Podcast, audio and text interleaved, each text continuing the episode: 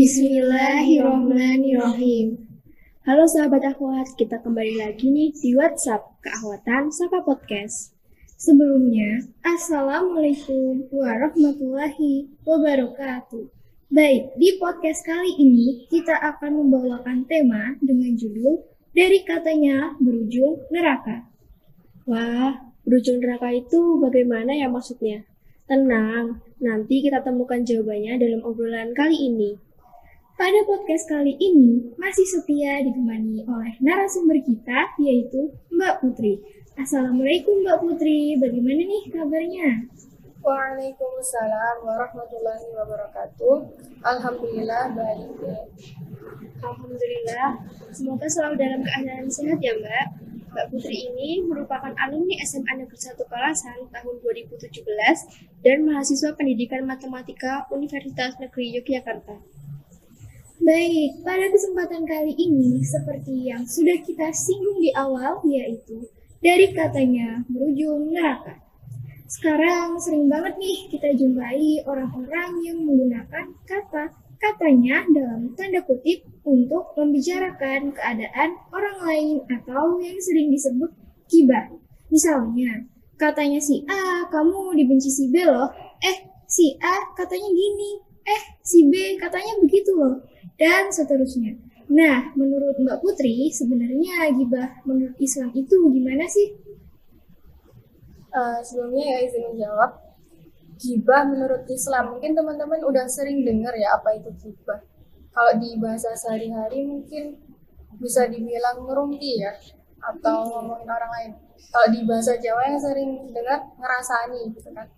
Nah, ternyata di Al-Quran itu sudah dijelaskan loh di Quran Surat Al-Hujurat ayat 12. Yang artinya, hai orang-orang yang beriman, jauhilah kebanyakan prasangka buruk atau kecurigaan, karena sebagian dari prasangka buruk itu dosa.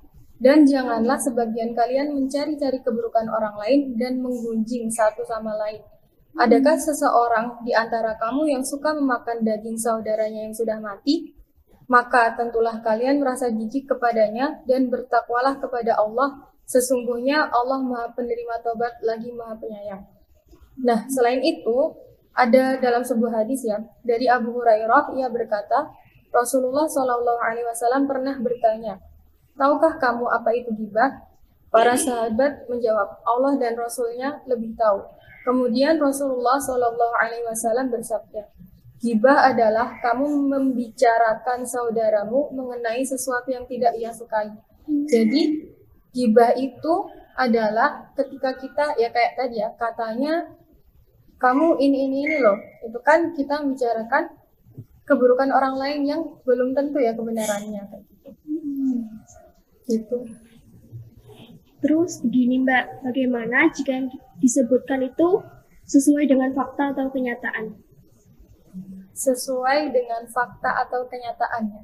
Hmm. Tadi kan dijelaskan Rasulullah menjawab ya, gibah adalah kamu membicarakan saudaramu mengenai sesuatu yang tidak ia sukai. Ya sebelum lebih panjang, mungkin kalau teman-teman sendiri ada di posisi kalian dirasani atau digibahi ya sama teman kalian, walaupun itu benar, tapi itu aib kalian. Kalian suka nggak? Enggak. Enggak kan? Apakah itu diperbolehkan? Tentu enggak ya.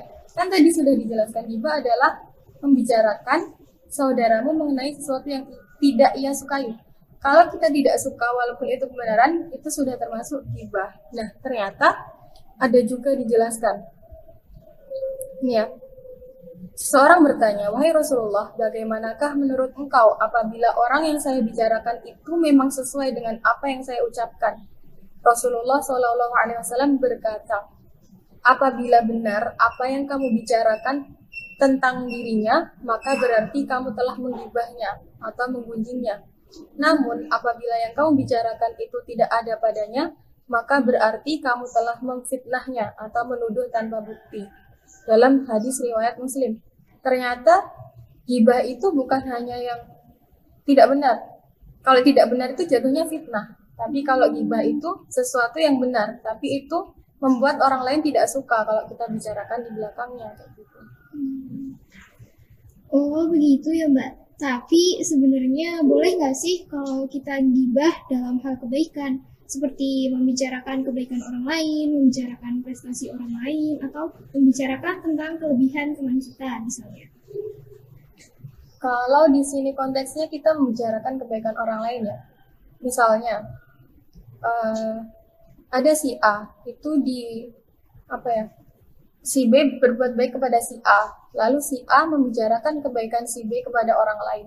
Ternyata itu diperbolehkan karena tadi ya gibah itu ketika kita membicarakan sesuatu yang orang lain tidak suka gitu. Yang itu berupa keburukan. Nah, salah satu cara kita berterima kasih kepada orang lain itu adalah dengan membicarakan kebaikannya kepada orang lain. Karena kan kalau kita memujinya di depan itu sebenarnya kita tidak boleh ya terlalu memuji orang lain karena kebaikannya. Hmm. Tapi kalau kita ingin memuji sebaiknya ya kita membicarakan kebaikannya kepada orang lain.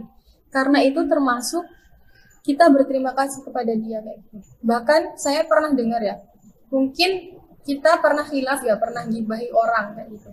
Mungkin kita gibahi si A dulu ketika belum tahu. Ternyata si A ini banyak kebaikannya. Nah, salah satu cara kita untuk apa ya membalas ke keburukan kita dosa kita di masa lalu adalah dengan membicarakan kebaikan si A kepada orang lain kayak gitu. Jadi kayak nutup dosa kita yang dulu kayak gitu. Jadi malah diperbolehkan ketika kita membicarakan kebaikan orang lain. Selain itu juga untuk memotivasi kita.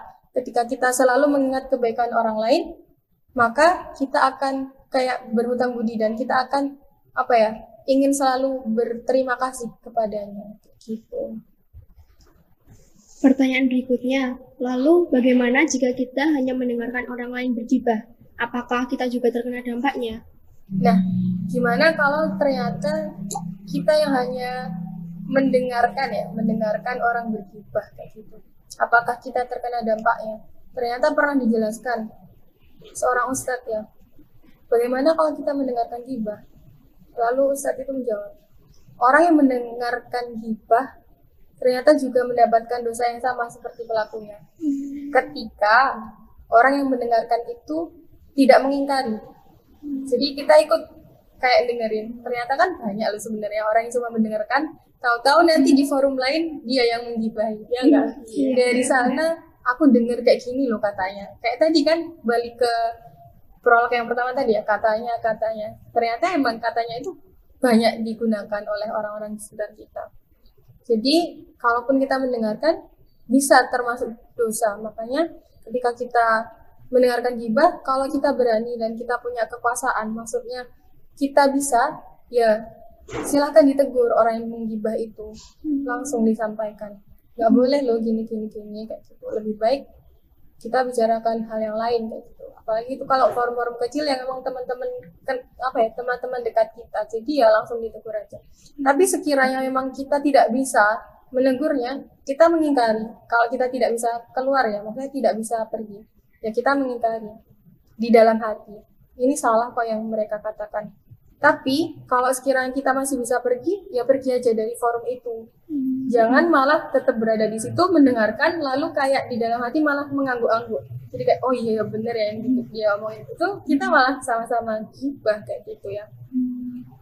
Jadi ya harapannya ya jangan sampai ikut serta dalam gibah itu sendiri, walaupun kita hanya mendengarkan. Seperti itu. Nah, untuk yang terakhir nih Mbak, bagaimana cara kita agar dapat terhindar dari yang namanya gibah ini dan apa yang seharusnya kita lakukan saat mendengar seseorang menceritakan tentang kita. Kalau agar kita terhindar dari gibah ya, sepertinya itu hal yang mustahil ya. Hmm. Kenapa bisa dibilang mustahil? Kita ini kan manusia, pasti punya celah, punya aib. Hmm. Orang lain punya mulut, kayak kita yang hidup orang lain pasti yang mengomentari kan? Hmm. jadi ya jangan berharap kita tidak pernah digibahi orang. Tapi malah seharusnya kita bersyukur ketika kita digibahi orang. Karena orang lain transfer pahala ke kita kan? Hmm. tapi ketika memang yang dibicarakan salah ya kita dan kita tahu kita menegur baik-baik ditegur baik-baik dinasihati. Kalau dan dijelaskan sebenarnya yang terjadi itu seperti ini ketika memang yang dia gibahi itu orang lain gibahi tentang kita itu akan memperkeruh suasana ya kita harus apa ya islah atau memperbaiki memberi tahu mana yang benar kayak gitu. Tapi kalau posisinya uh, gimana ya? Ketika kita sudah digibahi kayak gitu, ya udah bersyukur aja. Bersyukur karena kita digibahi berarti memang Allah pengen kita dapat pahala lebih ya, pahala sabar. Selain itu bersyukur juga karena bukan kita yang menggibah. Jadi kan bukan kita yang ditakdirkan untuk mendapatkan dosa gibah itu ya. Dan selain itu juga jangan sampai ketika orang lain menggibahi kita merasa tersinggung atau sakit hati kayak gitu. Karena saya pernah dengar ya, seburuk-buruknya orang menjelek-jelekan kita kayak gitu ya. Ternyata kejelekan kita itu jauh lebih jelek daripada yang orang lain bicarakan. Mungkin saya tuh dulu pernah dengar ya, katanya Akim di sebuah kajian gitu. Orang lain mungkin gibahi kita, itu loh orang itu uh, mungkin ini loh si A cerewet kayak gitu. Kayak si A misal A itu kita ya. Ternyata alhamdulillah orang tuh taunya cuma kita cerewet atau banyak ngomong padahal sebenarnya kita tuh banyak utang banyak kesalahan yang lain banyak ini banyak itu. Orang lain kan nggak tahu. Yang orang lain tahu keburukan kita tuh cuma sedikit kayak gitu. Ketika kita sadar bahwa keburukan kita banyak kita tidak akan banyak tersinggung tidak akan sakit hati ke orang lain yang menggibah kita. Bersyukur aja ketika digibahi dan ketika memang bisa menasehati agar orang lain terhindar dari dosa itu ya dinasehati baik-baik seperti itu ya. Jadi ya kesimpulannya terkait gibah kayak gitu. Allah kan menciptakan mulut kita tuh buat apa sih? Bukan hanya untuk berbicara ternyata. Belum sempurna kalau hanya mulut diciptakan untuk berbicara. Ternyata mulut kita ini diciptakan untuk berbicara baik. Dan Pernah dengarkan ya, hendaklah kamu berbicara baik atau diam. Maka ketika kita tidak bisa berbicara yang baik, lebih baik diam. Apalagi ketika malah kita menggunakan mulut kita untuk hal-hal yang buruk atau menggibah, menggunjing orang lain, lebih baik diam ya. Daripada kita tersungkur ke neraka karena disebabkan katanya-katanya atau disebabkan mulut kita yang tidak bisa terkontrol. Ya, semoga kita dijauhkan Allah ya dari hal-hal yang mempermudah kita untuk menghibah kayak gitu. Kita dijaga agar mulut kita senantiasa hanya membicarakan hal-hal yang baik. Seperti itu ya. Amin. Barakallahu fikum Mbak Putri. Nah, jadi gibah atau membicarakan keadaan orang lain, terutama aibnya, merupakan perbuatan dosa yang bisa berujung ke neraka. Nauzubillah. Semoga kita tidak termasuk dan terhindar dari perbuatan tersebut. Amin. Oleh karena itu, marilah kita pahami pentingnya menjaga lisan. Sebab lisan diibaratkan pisau yang apabila salah menggunakannya akan melukai banyak orang dan tentunya juga akan berdampak kepada diri sendiri. Terkadang kita tidak sadar membicarakan seseorang yang belum tentu kebenarannya juga dapat menimbulkan fitnah. Apalagi ini sering terjadi dalam bahasa pergaulan kita. Maka jangan hanya percaya pada satu sumber saja, tetapi dicari tahu kebenarannya juga. Dan perbanyaklah beristighfar agar Allah mengampuni dosa-dosa yang kita lakukan secara sengaja maupun tidak disengaja. Oke sahabat akhwat, kita sudah sampai di penghujung acara WhatsApp 5 nih. Semoga podcast kali ini bisa bermanfaat dan menambah ilmu sahabat akhwat semuanya. Oh iya, tak lupa kita juga haturkan terima kasih kepada Mbak Putri yang sudah meluangkan waktu untuk membersamai kami dari awal hingga akhir. Sekian podcast kami kali ini. Terima kasih sudah berkenan mendengar. Jangan lupa follow dan subscribe Sakarois ya. Tunggu di WhatsApp selanjutnya. See you. Wassalamualaikum warahmatullahi wabarakatuh.